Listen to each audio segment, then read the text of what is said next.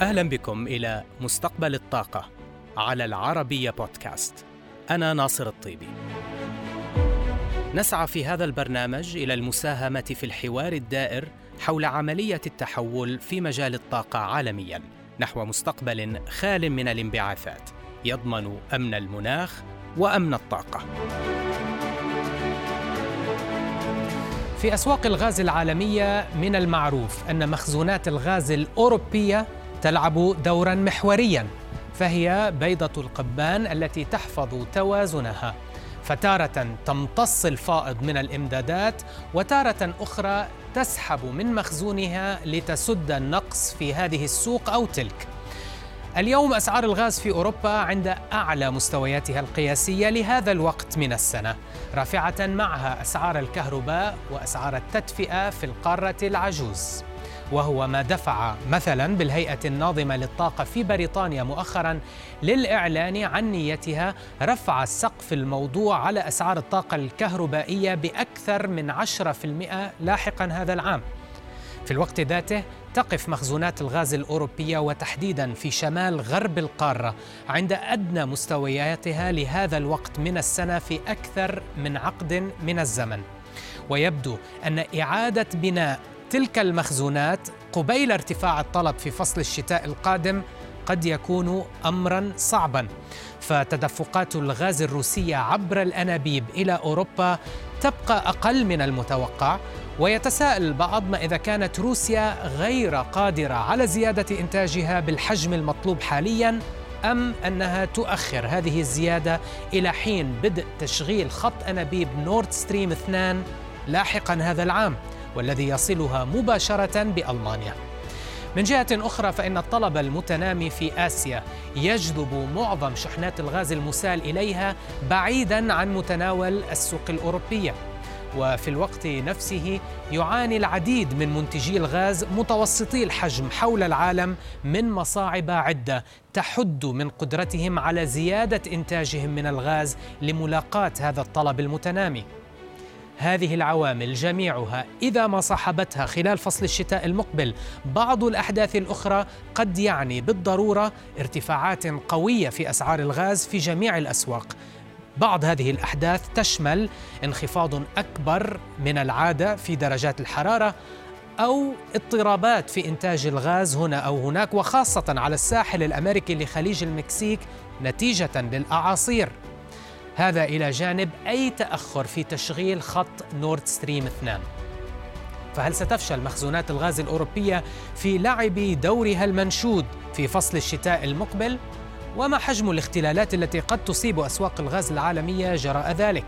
وهل بات من شبه المؤكد أن تشهد أوروبا أزمة غاز هذا الشتاء؟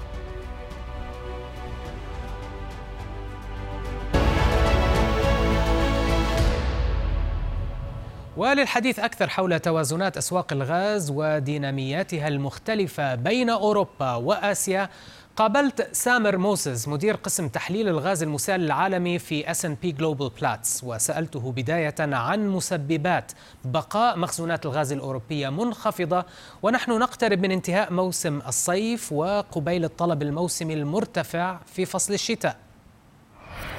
The story of market tightness really starts a year ago. حكاية التقارب الشديد ما بين العرض والطلب في سوق الغاز بدأت قبل نحو العام. قبل سنة كانت أسواق الغاز تشهد فائضا في الإمدادات. لكننا فوجئنا بضربتين. الأولى كانت موسم الشتاء الماضي القارس والذي مر على آسيا في ظل مخزون منخفض من الغاز في المنطقة آنذاك. وهو ما دفع آسيا إلى جذب معظم إمدادات الغاز العالمية إليها. ما أدى إلى السحب من المخزونات الأوروبية. الضربة الثانية جاءت مباشرة بعدها. إذ شهدت أوروبا شتاء أشد برودة من العادة إضافة إلى استمراره لفترة مطولة. أتذكر أنني كنت هنا في لندن. استمريت في تشغيل التدفئة حتى شهر مايو الماضي. هذا الأمر دعم استمرار الطلب القوي على الغاز لفترة زمنية أطول من العادة. وهذا أيضا خفض من مستويات مخزونات الغاز الأوروبية التي تم السحب منها.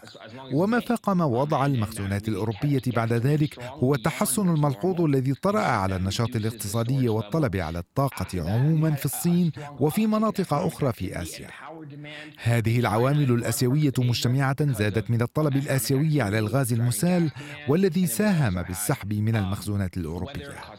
وما يحدث مؤخرا يتعلق أكثر بناحية العرض حيث هناك بعض الاضطرابات في إمدادات الغاز المسال عالميا إضافة إلى بعض المعوقات في عمليات إنتاج الغاز لدى بعض المنتجين. وتبرز اليوم تساؤلات في أوروبا حول حجم تدفقات الغاز الروسيه عبر الأنابيب وحول قدرة الروس على زيادة إمداداتهم إلى أوروبا. هذه العوامل كلها ساهمت في تقليص الفارق بشكل كبير ما بين العرض والطلب في سوق الغاز عالميا وهو وضع نتوقع أن يستمر خلال الفترة المقبلة. ولكن سامر هل من الممكن أن يتم فتح وافتتاح خط أنابيب نورد ستريم 2 في الوقت المناسب لتجنب شحا محتملا في إمدادات الغاز في أوروبا هذا الشتاء؟ وهل الروس جاهزون لتلبية إمدادات هذا الخط؟ حجم تدفق الغاز الروسي إلى أوروبا عبر الأنابيب سيكون العامل الأساس الذي سيحدد اليوم التكلفة الهامشية لإنتاج الغاز عالميا. ما كنا مقتنعين به سابقا هو أن فائض إنتاج الغاز عالميا يقبع في روسيا. وظن الجميع أن روسيا قادرة في أي وقت على زيادة إمداداتها إلى أوروبا إذا تطلب الأمر ذلك. خط أنابيب نورد ستريم 2 سيكون له دور كبير في هذا الصعيد. ونحن في S&P Global Platts نتوقع أن يبدأ الخط بالعمل تدريجيا بدءا من الربع الأخير لهذا العام. لكن السؤال اليوم تغير. ليس السؤال هل سيبدأ الخط بالعمل. السؤال اليوم هو هل لدى روسيا ما يكفي من الغاز؟ وهذا يفتح الباب واسعا أمام أحد المسلمات السابقة. وهي أن الغاز الروسي متوفر دائما. ولكن بعض التطورات الأخيرة وضعت هذا الأمر في موضع الشك. فروسيا قامت مرات عدة مؤخرا بحشد أحجام تخزين أصغر من المتوقع لغازها في أوروبا. وهذا الامر تكرر هذا الأسبوع أيضا ونحن نعرف ان روسيا واجهت بعض التحديات مؤخرا إذ شب حريق في أحد مصانع معالجة الغاز وهو ما أوقف جزءا من قدرتها الإنتاجية وبالتالي وضع وفرة الغاز الروسي في موضع الشك قاد إلى زيادة الضغوط الصعودية على أسعار الغاز بالتالي هل سيبدأ خط أنابيب نورد ستريم 2 بالعمل؟ نعم سيبدأ ولكن هل هناك ما يكفي من الغاز الروسي؟ وما هو حجم الإمدادات الروسية التي سترسل إلى أوروبا؟ وعلى أي سعر هذه هي الأسئلة التي تدور في أروقة أسواق الغاز حاليا والإجابات عليها ستظهر قريبا. ولكن حتى ذلك الحين سنشهد علاوة مرتبطة بتلك المخاطر في أسواق الغاز. وهذا هو السبب الذي يجعل أسعار الغاز في أوروبا تتداول عند مستويات قياسية عليا اليوم. سامر اذا هل بإمكان أن يصبح منتجو الغاز المسال الأمريكيين الفارس على الحصان الأبيض الذي ينقذ أوروبا هذا الشتاء من شح في إمدادات الغاز. الغاز المسال الأمريكي من المفترض أن ينقذ الجميع. فهو من المفترض أن يلاقي الطلب الآسيوي هذا الصيف وهذا الشتاء وخلال السنوات القليلة المقبلة أيضا. فالولايات المتحدة هي المنتج الوحيد الذي سيشهد نموا معتبرا في قدرات تسييل الغاز. لذلك سيكون لها دور أساسي في موازنة أسواق الغاز العالمية. ولكن من الصعب عليها منفردة أن توازن السوق الآسيوي والاوروبي في آن واحد. بالتالي هذه المعطيات تضع السوق الأوروبية في منافسة مع السوق الآسيوية على جذب الإمدادات. وتحديدا المنافسة ستحتدم على الإنتاج المرن للغاز المسال الأمريكي. ولكن في هذه اللحظة معظم هذا الإنتاج موجه نحو السوق الآسيوية نتيجة للعلاوة السعرية التي يجنيها الغاز هناك.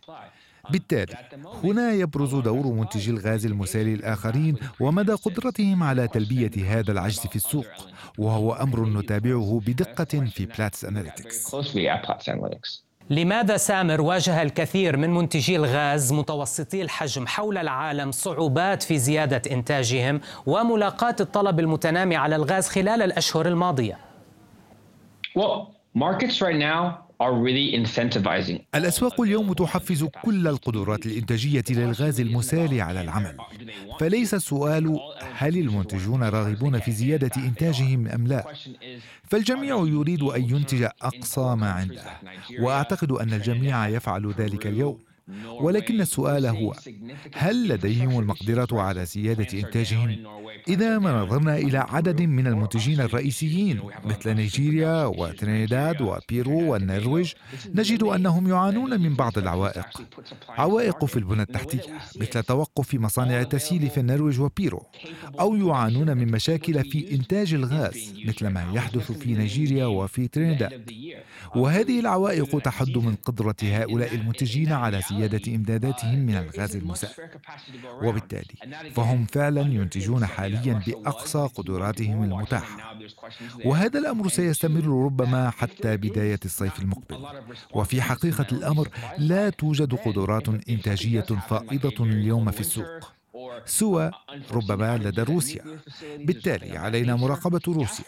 وفي حال أن سوق الغاز المسال غير قادر على تلبية الطلب فإن أي ظروف طارئة أو استثنائية مثل قدوم شتاء شديد البرودة أو توقف العمل في محطات نووية أو أي شيء من هذا القبيل فإن أسعار الغاز مرشحة لاختراق أسقف أعلى من السقف الذي اخترقناه مؤخرا. سامر الطلب الآسيوي على الغاز المسال ما زال قويا ومتناميا. الأسعار الفورية هناك وصلت إلى حدود العشرة دولار للمليون وحدة حرارية في ضوء أنه لا يوجد أي زيادة مرتقبة في قدرات التسييل من الآن وحتى منتصف العقد الحالي. جراء تأخر الإنشاءات بسبب جائحة كورونا. هل هذا يعني أن الأسعار ستبقى قوية خلال السنوات المقبلة على المدى المتوسط؟ Asian demand really has been um, it's strong. Strong is an understatement, right? الطلب الآسيوي بالفعل قوي جدا بل إنه أكثر من ذلك. نتحدث كثيرا عن الطلب الصيني. لكن في الوقت الراهن كوريا الجنوبية هي التي تقود نمو واردات الغاز إلى آسيا. وذلك بسبب ظروف الطقس هناك وحاجتها إلى إعادة ملء خزاناتها. وهذا ما قاد الأسعار الفورية. فبالنظر إلى مؤشر Platts JKM فهو يتداول اليوم فوق عتبة السبعة عشر دولارا. هذه أسعار مرتفعة جدا. ونحن نتوقع أن يبقى السعر فوق العشرة دولارات حتى عام 2024 قد ينخفض قليلا عن هذا المستوى لفترة وجيزة خلال عام 2023 لكن بالمجمل هذا الحال سيستمر حتى قدوم موجة الإمدادات الجديدة بين عامي 2024 و 2025 وهذه التواريخ ليست منقوشة في الحجر.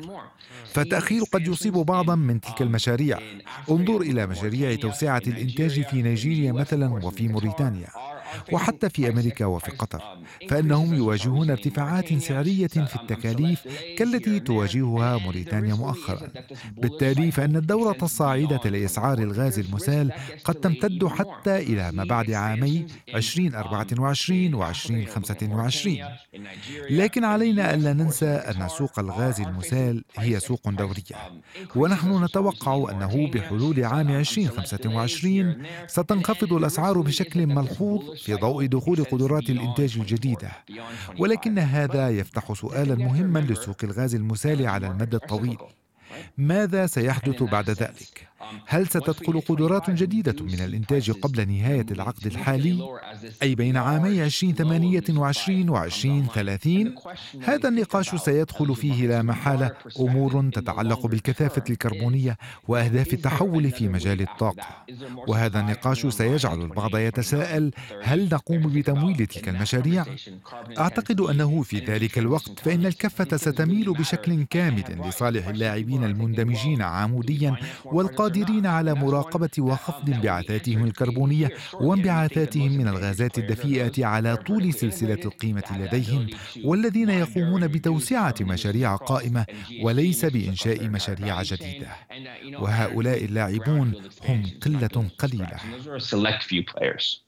مؤشر أسعار الغاز الأوروبي TTF يتداول مؤخرا على خصم مقابل مؤشر أسعار آسيا JKM، هل تعتقد بأن هذه الحال قابلة لأن تنعكس؟ وما الذي قد يؤدي إلى ذلك؟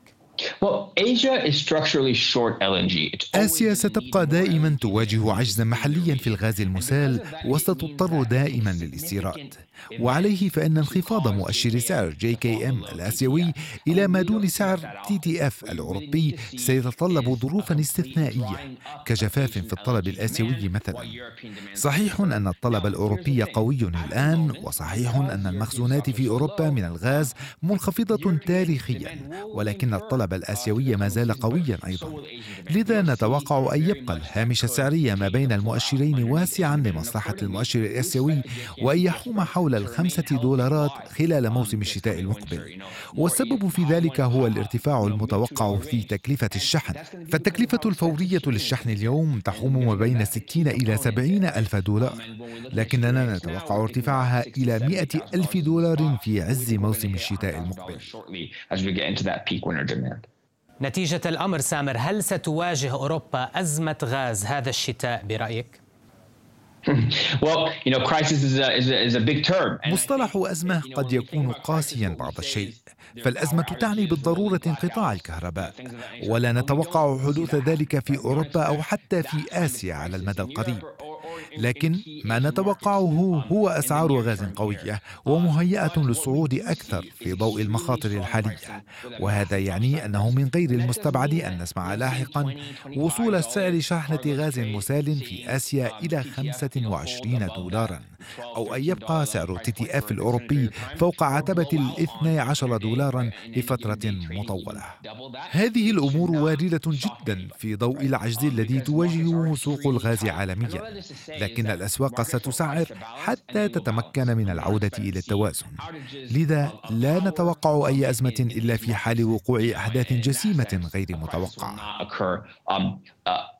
Barring massive unforeseen events. ملف آخر في مستقبل الطاقة. جنون أسعار الغاز يترافق مع مفارقة تاريخية هذه المرة ففي أوضاع كهذه يكتسب الفحم عادة ميزة تنافسية لتشغيل محطات الكهرباء بشكل خاص باعتباره أرخص سعرا. لكن ما يحدث هذه الأيام عكس ذلك تماما إذ إن أسعار الفحم ترتفع بشكل غير مسبوق إلى درجة أن أسعار الغاز باتت أكثر تنافسية في بعض الدول على الرغم من ارتفاعها القياسي. لنتابع مزيد من التفاصيل في هذا التقرير. قفزات هائلة لأسعار الفحم الحراري تهدد تنافسيته بالمقارنة مع الغاز الطبيعي المسال. فخلال الأسبوع الماضي سجل السعر القياسي للفحم الأسترالي العالي الجودة على مستوى له في 13 عاما قرب 170 دولارا للطن بزيادة تفوق 260% عن أدنى المستويات المسجلة العام الماضي. المؤشر المهم الذي تراقبه الأسواق في ظل هذا الارتفاع هو تكلفة إنتاج الكهرباء من الفحم مقابل تكلفة إنتاجه من الغاز الطبيعي المسال. وهناك مؤشر مهم يسمى السعر الفاصل للتحول بين الفحم والغاز المسال في محطة الكهرباء أو The Natural Gas Switching Price وهو يعبر عن السعر الذي تتعادل عنده تكلفة توليد الكهرباء بين الغاز المسال والفحم. هذا السعر الفاصل يقدر حاليا بنحو عشرة دولارات لكل مليون وحدة حرارية من الغاز المسال في اليابان. وبنحو 12 دولارا ونصف الدولار للمليون وحدة حرارية في كوريا الجنوبية. بينما يقف التسعير الفعلي للغاز المسال المرتبط بعقود خام برنت فوق عتبة العشرة دولارات بقليل. وهذا يعني أن التكلفة باتت متقاربة جدا بين الفحم والغاز المسال في اليابان بينما بات الغاز المسال أقل تكلفة بالفعل في كوريا الجنوبية. وهو ما يشكل تحولا لا سابق له في التاريخ القريب على الأقل. إلا أن التقارب السعري بين الفحم والغاز المسال قد لا يكون كافيا لحدوث تحول دراماتيكي بعيدا عن الفحم بل يتطلب الأمر بقاء الأسعار عند الهوامش الحالية لبضعة أشهر. ومن الجدير الإشارة إلى أن اليابان وكوريا الجنوبية هما الدولتان الأكثر قدرة على التحول بمرونة بين الفحم والغاز في محطات توليد الكهرباء. المفارقة في أن هذا التقارب السعري يأتي على الرغم من الارتفاع الكبير لأسعار الغاز المسال في السوق الفورية وسط الطلب القوي على التكييف في الصيف الحار. ومعروف أن سوق الغاز المسال ينقسم ما بين العقود الطويلة الأجل التي تشكل ثلثي السوق في آسيا تقريبا والسوق الفورية.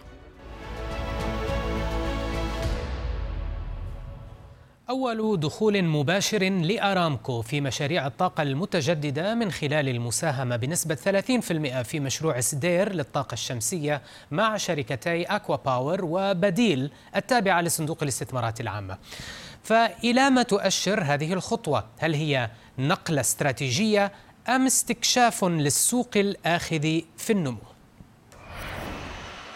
تشق أرامكو طريق التحول في عالم الطاقة من باب مختلف عن المعتاد فبينما تبحث شركات عالمية كبرى عن سبل تقليل استثماراتها في قطاع النفط والغاز والاتجاه بدلا من ذلك نحو الطاقات المتجددة والنظيفة تقوم استراتيجية أرامكو أساساً على إحداث التحول داخل الصناعة النفطية لتستمر في توفير الوقود للنمو الاقتصادي العالمي لكن بمعايير أكثر توافقاً مع الأهداف البيئية. وهكذا برز الاهتمام باقتصاديات الكربون الدائري والهيدروجين الأزرق والأمونيا الزرقاء وتقليل الانبعاثات وتعويضها من خلال مبادرات التشجير.